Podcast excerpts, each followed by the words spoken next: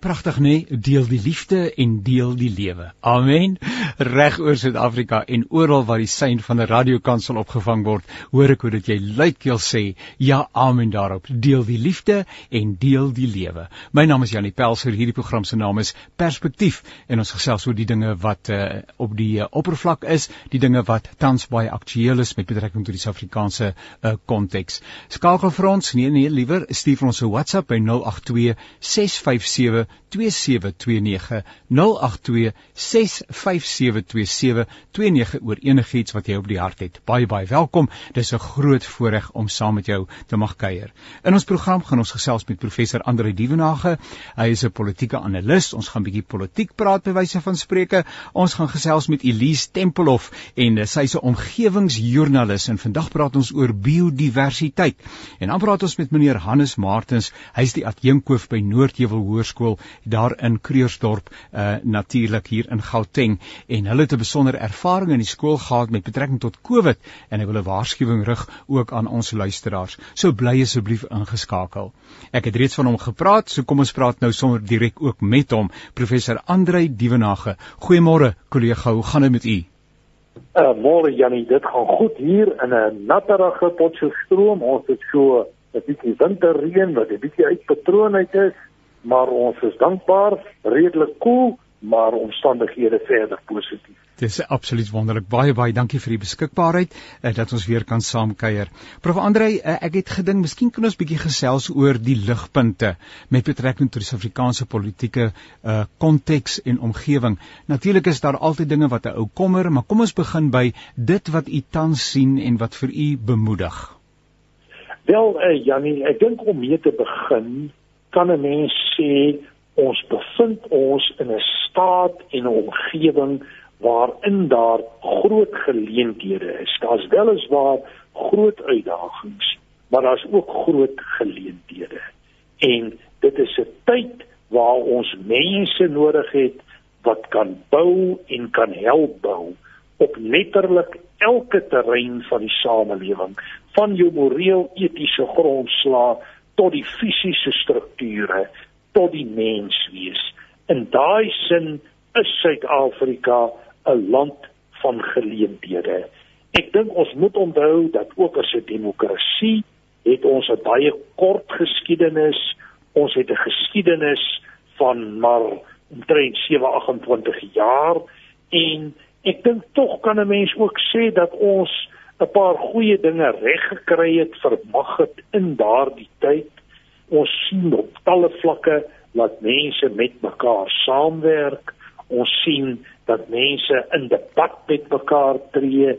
Daar's 'n vrye media omgewing. So ek dink daar's baie waaroor ons steeds dankbaar kan wees. Dit vat nie weg die uitdagings waarvoor ons te staan gekom het nie, maar ek dink in baie gevalle is die gesindheid om 'n ding te hanteer belangriker as die krisis waarmee jy te maak het.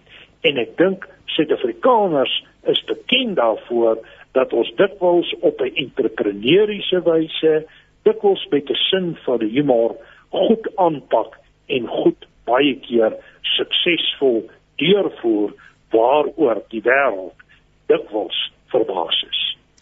Sou 'n mens kon sê dat daar en eh, want dit is tog my eie persepsie of ervaring is dat daar 'n groter deursigtigheid is en 'n gemeere gemaklikheid uh en 'n openheid om te praat oor die dinge wat ontstel, uh die dinge wat verkeerd is. 'n uh, Mens kan jou beroep op howe, jy kan jou beroep op bepaalde wet wetgewende uh, uh plek dinge wat in plek is en dies meer, maar ons ons is in 'n samelewing waarin jy jou stem kan laat hoor. Uh Jannie inderdaad is dit so. Dit is 'n samelewing uh, wat eintlik wil 'n mens amper sê te veel vryhede het. Ons is in 'n samelewing wat ek weet onlangs in die literatuur beskryf is as 'n revolusionêre demokrasie, 'n deelnemende demokrasie. Dit het geweldige belangrike en goeie kwaliteite. Dit gee vir mense die geleentheid om hulle self uit te druk. Dit gee die geleentheid om te praat. En as ek myself hier as 'n voorbeeld kan gebruik, ek praat met seker omtrent amper 30 verskillende identiteite nasionaal en internasionaal. En nog nooit het iemand vir my probeer voorsê wat moet ek sê nie. So daar is werklik 'n omgewing van vryheid. Maar ons moet altyd in gedagte hou Jannie dat vryheid kan nie net op sigself funksioneer nie. Vryheid moet gebalanseer word met verantwoordelikhede. Regte en vryhede aan die een kant staan dus in balans tot verantwoordelikhede. Op 'n ander manier gestel, jou reg is op 'n manier my verantwoordelikheid. En ek dink van die uitdagings in Suid-Afrika op die oomblik is dat ons die regte opgeëis het. Maar laat ons nie altyd tot dieselfde mate ook die verantwoordelikhede wat daarmee saamgaan ons eie gemaak het. Wat vir my altyd interessant is is dat die heersende politieke party almal weet na wie ek verwys dat daar en miskien is dit 'n uh, bietjie uh, window dressing om die Engelse woord te gebruik en tog aan die ander kant uh, wil ek glo dit is nie so nie dat daar 'n eerlikheid is met betrekking tot die inhuis uitdagings wat daardie bepaalde politieke groepering um, in die oë staar uh wanneer dit nie met hulle goed gaan nie, soos tans is daar bepaalde uitdagings, dan is die mense relatief eerlik om te sê ons het uitdagings.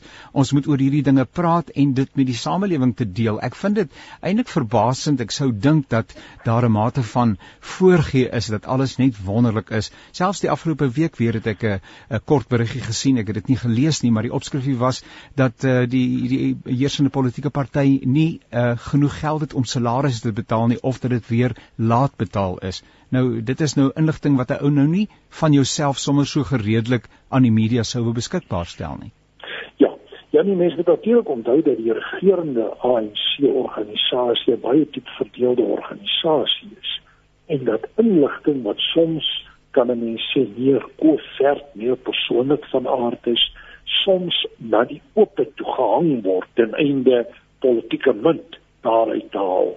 En dit is bekend nou al vir 'n paar jaar dat die ANC probleme het om vir alle toeliehuis hulle hoofkantoor te befonds want hulle hoofkantoor is in opsigte amper 'n parallelle staat. Daar waar 'n klomp mense opgeëis is of geplaas is wat nie deel van die kom ons noem dit politieke stelsel van die dag is en uh, daar is 'n hele paar uitdagings baie mense reken dat van hierdie groot megaprojekte, die wapenskandaal en ook die huidige krisis waarin Eskom verkeer, die probleme rondom Medupi en Kusuli hou verband met die feit dat geld eintlik gebruik is vir die ANC en nie waarvoor dit gebruik moes word nie ja. en laat daardie projekte nou opgedroog het gegee die regering se stryd teen korrupsie. Ja, en ja. daar moet 'n mens krediet gee vir die president. Die president is daadwerklik besig om korrupsie te probeer beveg. Ons kan dit sien op talle vlakke.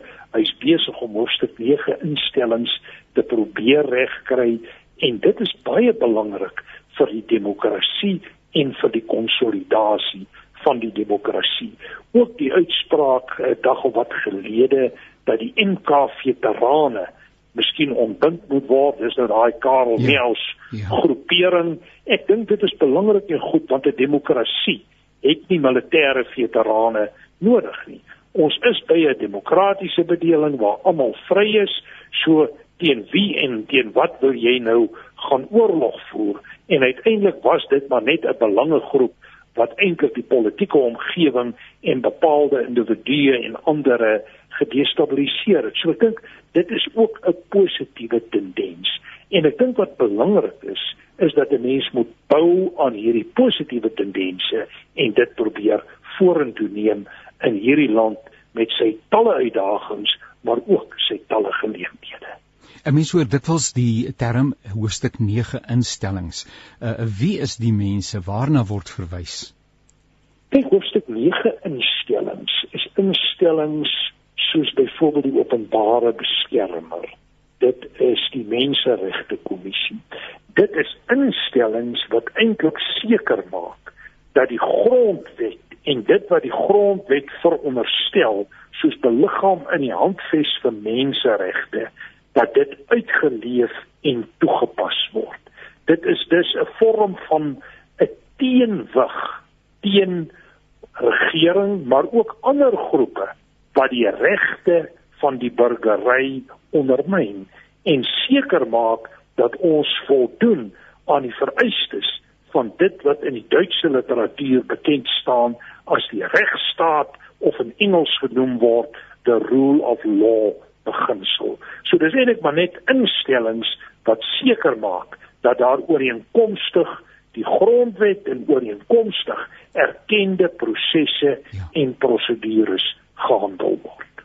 Jy het verwys na die openbare beskermer. Dit lyk vir my die dame kry moeilik die boodskap. Wel, die dame behoort aan 'n bepaalde politieke faksie en hierdie politieke faksie volg die benadering wat ons noem die sogenaamde Stalingrad strategie. Ja, ja. Jy ontduik, jy ontwyk, jy dwarsboom, jy doen enige ding om nie verantwoordbaar te wees vir jou dade nie. Ja, ja. Maar ons sien ook dat die uurglas van die Stalingrad spesialiste besig is om uit te loop. En ek het geen twyfel dat Bosiswe Makbane se tyd ook besig is om uit te loop. En ons sien dat die skrif ook maar aan die muur is vir mense soos Jacob Zuma, Ismagashule en waarskynlik talle ander. Wat my wel bekommer is dat gegee die getuienis van die Zondo-kommissie blyk dit dat die probleem veel groter is as wat algemeen aanvaar is en verwag is en dit laat mens met kommer want dit as die probleem te groot is is die ANC en sy leierskap dan wel by magte om dit doelmatig te kan hanteer. Jy het verwys na meneer Ysmagashule en ook meneer Zuma, uh ook die red aksie uh ensovoorts, maar dit lyk so asof die mense tog wel hulle hand oorspeel het en alhoewel daar aanvanklik 'n klompie entoesiasme is, dink nou maar rondom die begin van die hele Ysmagashule uh, situasie, ehm um, dat met verdrag mense stoom verloor en dat hulle eintlik geïsoleer word uh en nie meer enige geloofwaardigheid oorhou in die samelewing nie. Uh, is dit die storm voor die stilte of is die stilte nou daar en uh, is is die is daar die seisoen eintlik verby? Ja, die uh, ons as akademici verskil daaroor. Uh my ek gaan my kyk daarop uh, vir jou vir jou gee. Uh dit is vir my duidelik dat meneer Ramaphosa oor die laaste maand twee drie sy posisie redelik sterk gekonsolideer het binne die raamwerk van die ANC. Uh en dat sy opponente duidelik onderdruk is en hier dink mense aan Ismagashule uh, Jacob Zuma mm. en ander. Ja. Maar ek dink dit is ook belangrik om te sê dat hierdie geveg nog lank nie oor is. En miskien moet mens hier kyk na die parallel destyds ten opsigte van die geveg tussen Thabo Mbeki en Jacob Zuma. Die tyd toe Jacob Zuma afgedank is, het niemand ooit gedink dat dit daar tot Thabo Mbeki se val sou lê nie. Op daai punt het Thabo Mbeki en die ANC bykans 70% steun gekry. Ja, ja. Maar meneer Jacob Zuma het begin mobiliseer en begin organiseer en uiteindelik het dit gelei tot die val van Thabo Mbeki by Polokwane. Nou ek dink nie dieselfde scenario is tans die mees waarskynlike scenario nie. Trouwens my idee is dat die kragte na die middelgrond toe sterker is hierdie keer en dat die posisie soos jy reg opgemerk het baie geïsoleerd is en nou praat ek van die Magishules en ander. Maar ek merk tog op dat daar wel stukke momentum is en iewerster kan jy 'n situasie kry waar hierdie groep homself kan dalk laat uit die ANC uitbeweeg of die ANC op so 'n wyse uh, ondermyn dat hulle nie behoorlik presteer nie. Ek het 'n tyd gelede opnames gesien wat die ANC steun hier aandui rondom 50% as die eisgroep sou wegbreek kan dit die ANC in 'n heelwat moeiliker posisie plaas en ons moet net een ding onthou meneer Ramaphosa soos meneer Mbeki is iemand wat steun onder die elite het ons weet nie regtig hoe dink en hoe voel die takke op die voetsoolvlak. Maar die hoop is dat ons die staatskapers kan verwyder uit die proses dat ons die demokrasie kan skoonmaak, dat ons met 'n gematigde bewind vorentoe beweeg.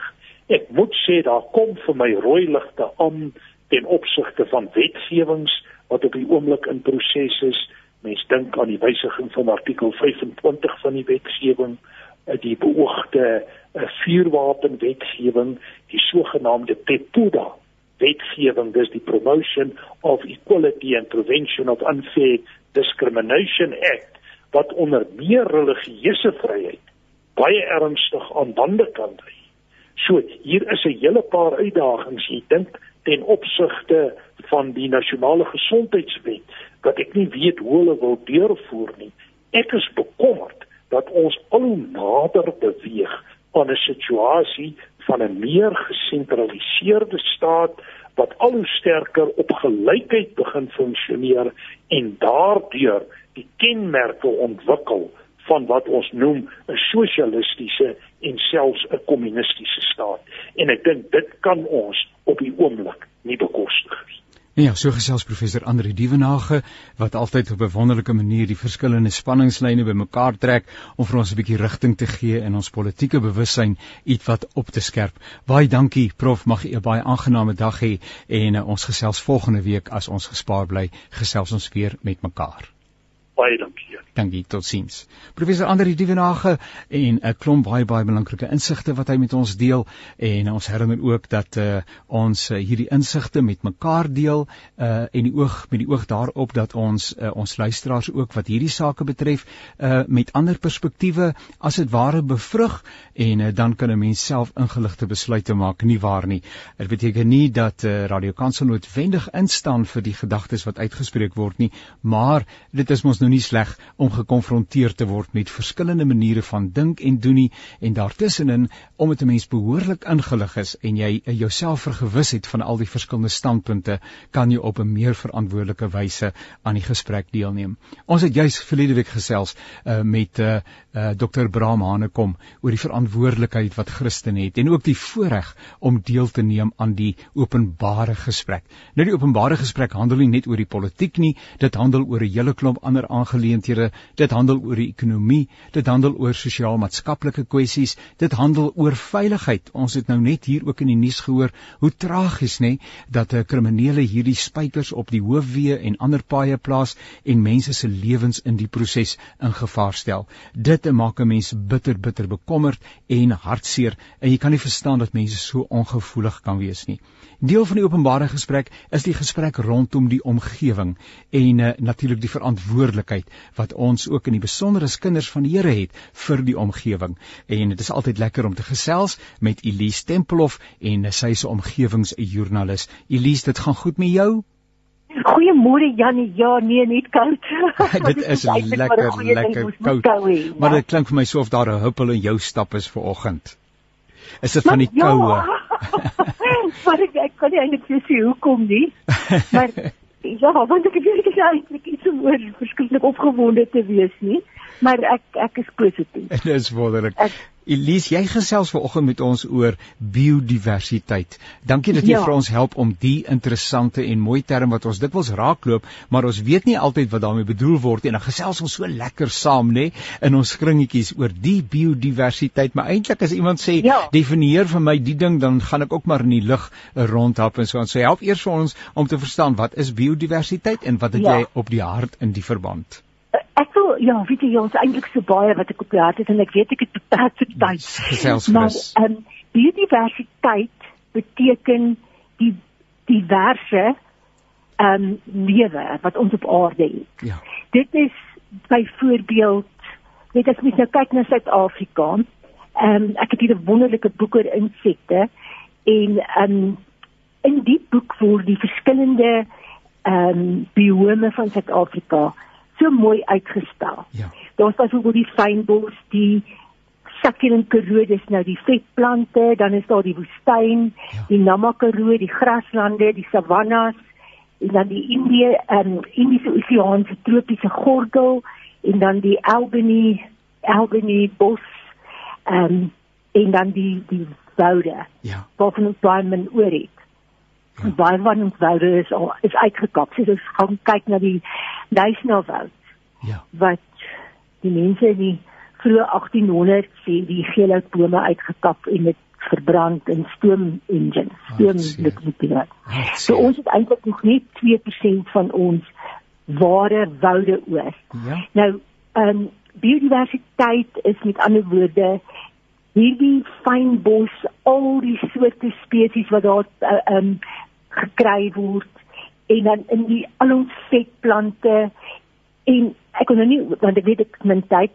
Ja. Ehm ja. um, maar elkeen van hierdie biome het ander lewe. Ja. En dit is so belangrik vir ons om hierdie op te pas.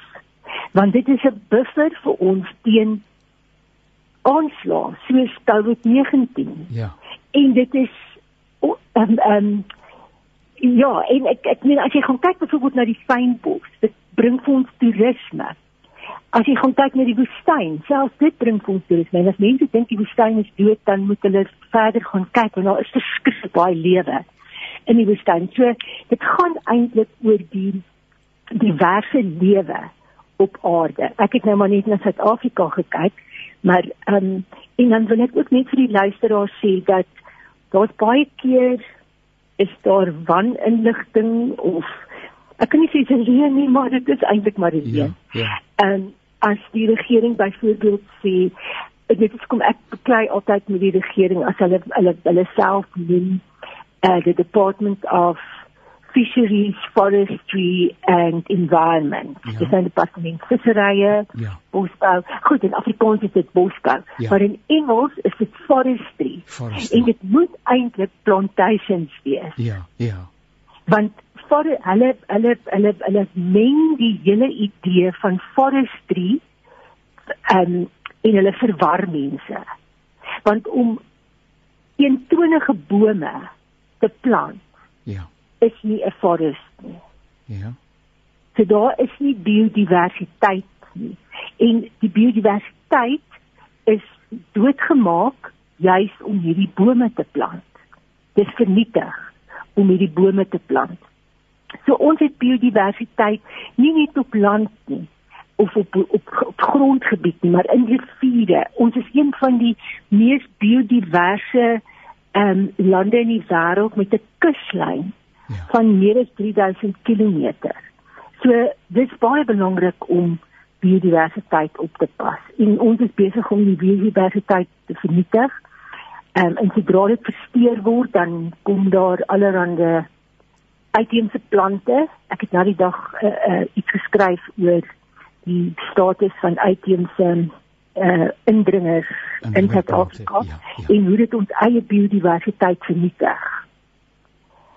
Dis 'n ding dis nou ja, dit sê nie. Dit sê baie baie ek ek sit maar net en ons het by vorige geleentheid net daarna verwys die baie fyn balans wat daar is tussen oorlewing enerzijds ehm um, en en ek bedoel wat gedoen moet word om te oorleef. Kom ons veronderstel byvoorbeeld uh veral in uh, minder ontwikkelde gemeenskappe waar minder infrastruktuur en dies meer beskikbaar is. Ja. Uh, as jy moet kies tussen doodgaan van die koue vanaand uh omdat mense in hierdie sogenaamde en dis 'n mooi woord vir eintlik vir 'n uh, uh, hartseer manier van voortbestaan, naamlik informele behuising waar die oh. wind eintlik dwars deur waai na die ander kant toe.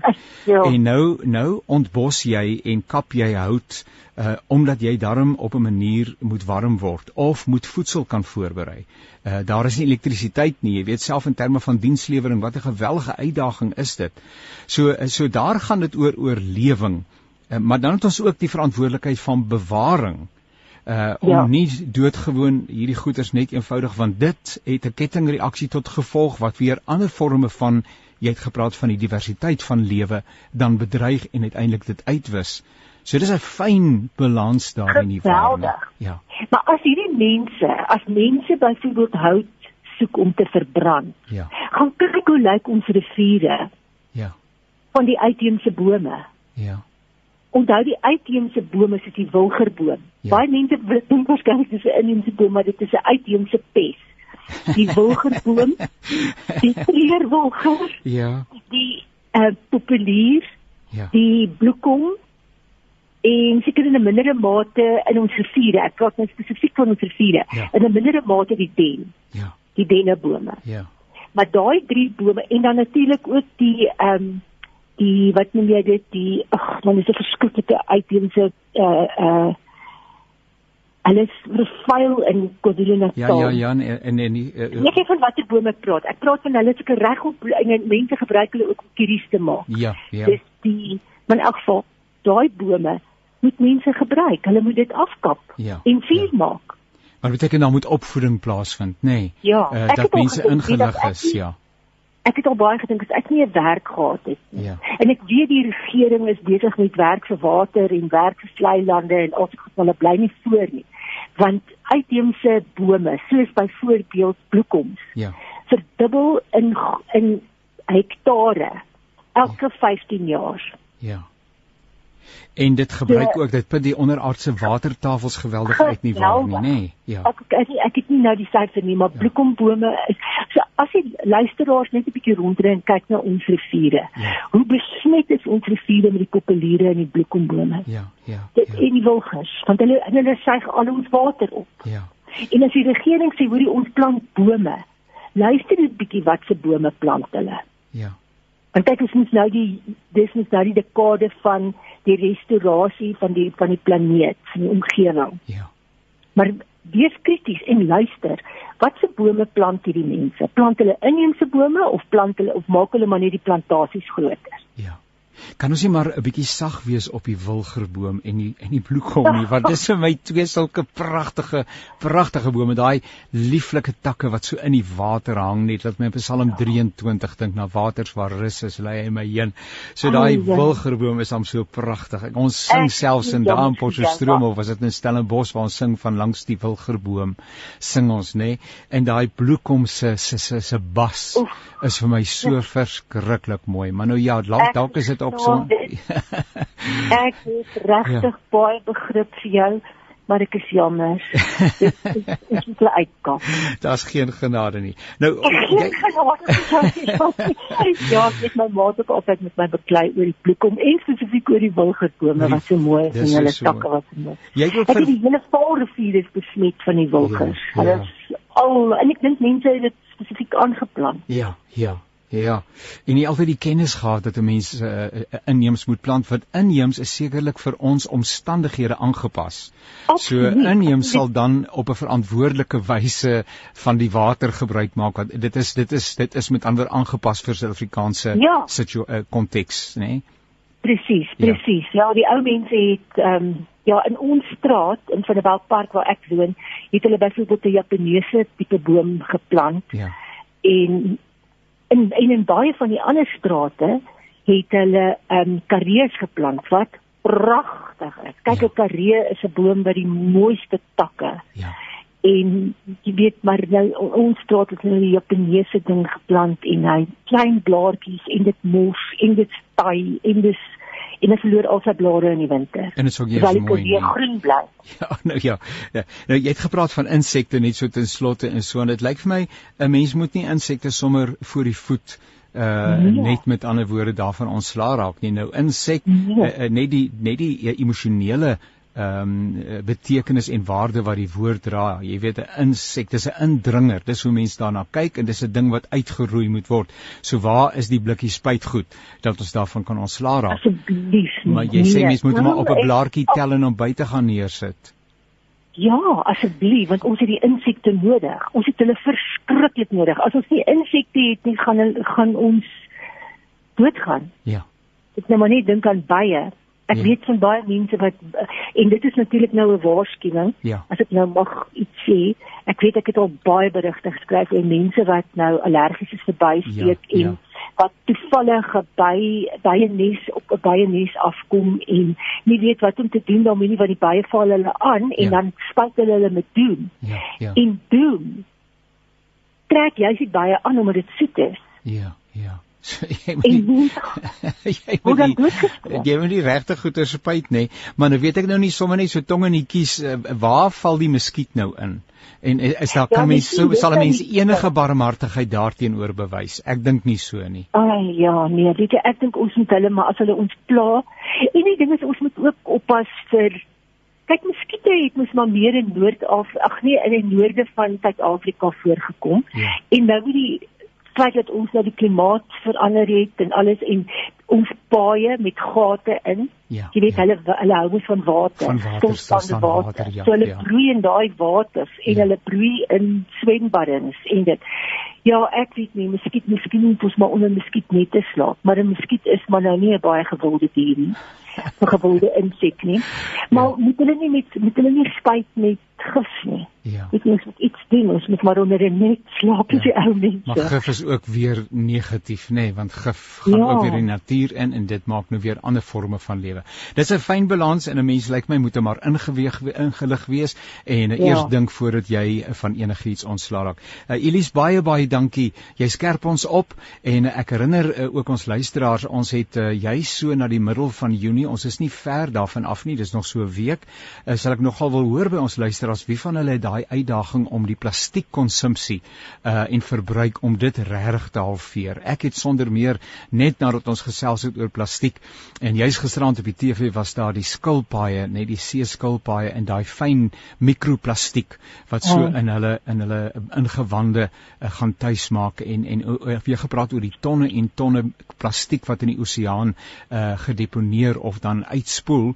Uh maar ek het sonder net nadat ons gesels het en moes ek ietsie gaan koop en ek het dadelik vir my 'n uh, 'n uh, omgewingsvriendelike sak gekoop en myself dit voorgenem uh, dat ek nie weer van plastiek gaan gebruik maak nie. Uh, nie as ek dit nie kan help nie. So ek vertrou dat ons luisteraars daardie uh, waarskuwing en daai oproep raak gehoor het en dat ons dalk hier teen volgende week kan hoor wie van hulle het inderdaad hulle plastiekverbruik uh, betekenisvol verminder. Elise moet 'n mooi dag hê. Baie dankie vir die saamgesels soos in die verlede. Ons waardeer dit en uh, alles wat mooi is vir jou. En baie dankie vir jou en die luisteraars ook. Baie baie dankie. 'n Aangename dag en bly warm. Dankie. Totsiens. Elise Tempelhoff, sy's 'n omgewingsjoernalis wat met ons gesels oor die goeters wat naby ons kom, nê, bome, insekte, muskiete, al daai dinge. Dis alles deel van ons lewe wêreld. Hier is Leslie en ek sê baie baie dankie vir hierdie briefie en uh, Leslie sê, "Ai, toggie, ons sien dat mense nie ag gee op die epidemie COVID-19 nie. Supermark het nie, ons het uh, hulle het nie hande sproei nie en 'n klomp klomp ander dinge en ek lees nou net so vinnig en die mense het nie maskers nie en die pastoor en mense koordans uh in die kerk sonder die nodige maskers. O aarde Jannie dit lyk vir my dis 'n probleem nê?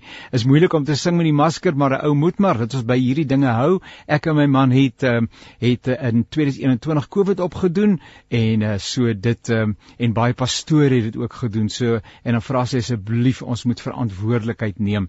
Dis nie net verantwoordelikheid vir onsself nie maar ook vir verantwoordelikheid vir ander mense. En veral hier met die derde vlaag plekke soos die Noord-Kaap ook hier in Gauteng waar betekenisvol hoeveelheid mense in my eie vriendekring verwysingsraamwerk is daar vers verskeie mense in ons eie gemeente uh wat uh, met COVID onderlede sit, sommige baie baie baie siek. Dankie Leslie jy. Jy skerp ons op ons te verantwoordelikheid uh om na mekaar om te sien en seker uh, uh, te maak dat ons die protokols uh, soos verantwoordelike Christene ook, nê, nee, ons het ook wat dit betref 'n getuienis dat ons dit steeds nakom. Ek gesels nou uh, met uh, meneer Hannes Martens en hy is die adjunkhoof by Noordheuwel Hoërskool daar in Kreeus dop. Hannes, gaan dit goed met julle? Baie goed, dankie Janie en daar by julle. Dit gaan klop Dusselboom, baie dankie. Uh ons woon ook daar in Kreersdorp soos jy nou weet en so aan. Uh, en uh, nou ja, die koue is daar my by en met ons, maar uh miskien gaan van al hierdie goggas waarvan uh Elise Tempelhof genou gepraat het en die goed wat ons nie wil hê nie, gaan hulle dalk nou koud dood in die in die winter. Nietemin, Hannes, julle het in die onlangse verlede in eie omgewing 'n ervaring gehad wat julle daartoe gebring het om vir mense regtig op te skerp, juis in die lig van dit wat Leslie hier geskryf het. Uh daaroor dat mense verantwoordelikheid sal aanvaar uh vir die uh vir vir vir vir vir die protokols en alles wat daarmee saamhang in die lig van hierdie derde vlaag uh COVID uh, wat nou weer uh, oral te bespeer is. Deel bietjie met ons asseblief julle ervaring. Goed, dan ons het um, op 'n stadium, jy weet ons hoe dit by die met die matrikulante gaan, dan hulle besluit op 'n stadium hulle wil hulle 40 days vier. Ja. Dit nou ding is wat nou hoe lank al kom in die skole. Dis reg. Nou, toe dit nou ter sprake kom en weet op hierdie stadium weet ons nie is regtig waar die 40000 is nie, want ons het nog nie eksamenrooster vir enige van die jaar ontvang nie. Ja. Um, maar hy's geskeduleer, nê? Nee, hy's geskeduleer. ja. Toe die matrikulante besluit het lag van hulle vol 40 days partytjies reël. Ja. En meneer Kreletief voor die tyd het hy by die met die matrikulante gepraat en gesê asseblief ouens, dis onverantwoordelik om dit te doen. Jy moet dit nie doen nie, dit is gevaarlik. Ons is op pad of ons is by die by die derde vlaag. So julle moet asseblief baie versigtig en baie verantwoordelik wees. Maar soos julle weet, 'n matrikulant is baie wys en hulle het nou aangegaan met met met hulle partytjies. En ons het toe nadat het ons toe nou 'n hele klompie kinders gekry matrikulante wat positief getoets het. Um en ons moes toe nou die die naspeer nasporingswerk doen en en opvolg van die moontlike direkte kontakte wat hulle gehad het. Ja. En toe het ons 'n hele paar van die matrikulante ons huis toe stuur ook omdat hulle toe nou moes gaan self isoleer want hulle was in direkte kontak. Ja. En toe het uh, meneer Kriel daai oggend of die die, die ek dink dit was amper die Dinsdagoggend as ek dit nie mis het nie. Ja. Het hy toe op 'n gereelde grondslag sal hy op Facebook vir ons ouers en kinders boodskappe sit. Ja. Um wat hy wat hy met die ouers praat en dit is om op sosiale media kom ons regtig baie by ja. baie van die ouers uit. Ja. En toe het hy 'n boodskap uitgesit um wat hy vir die ouers gevra het asseblief ouers.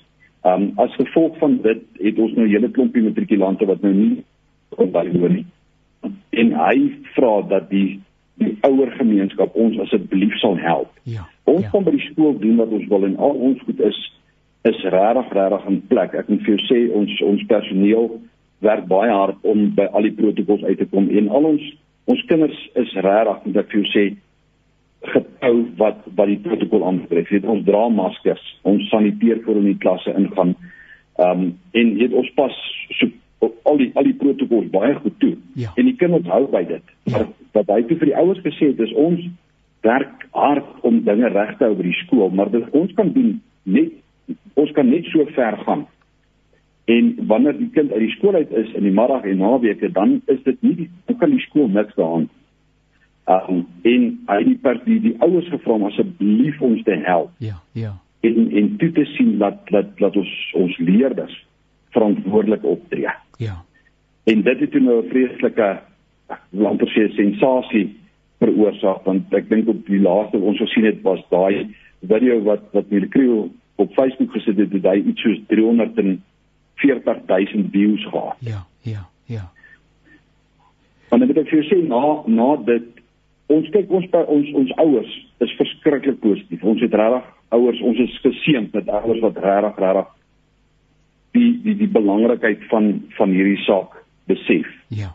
En die die oorgroot meerderheid ouers ondersteun ons absoluut in die skool en help ons met met die toepassing van van die reëls. En dit is nou maar net daai basiese reël van ons in jou vrye tyd bly weg van partytjies af, bly weg uit plekke uit waar jy blootgestel kan word aan aan die virus.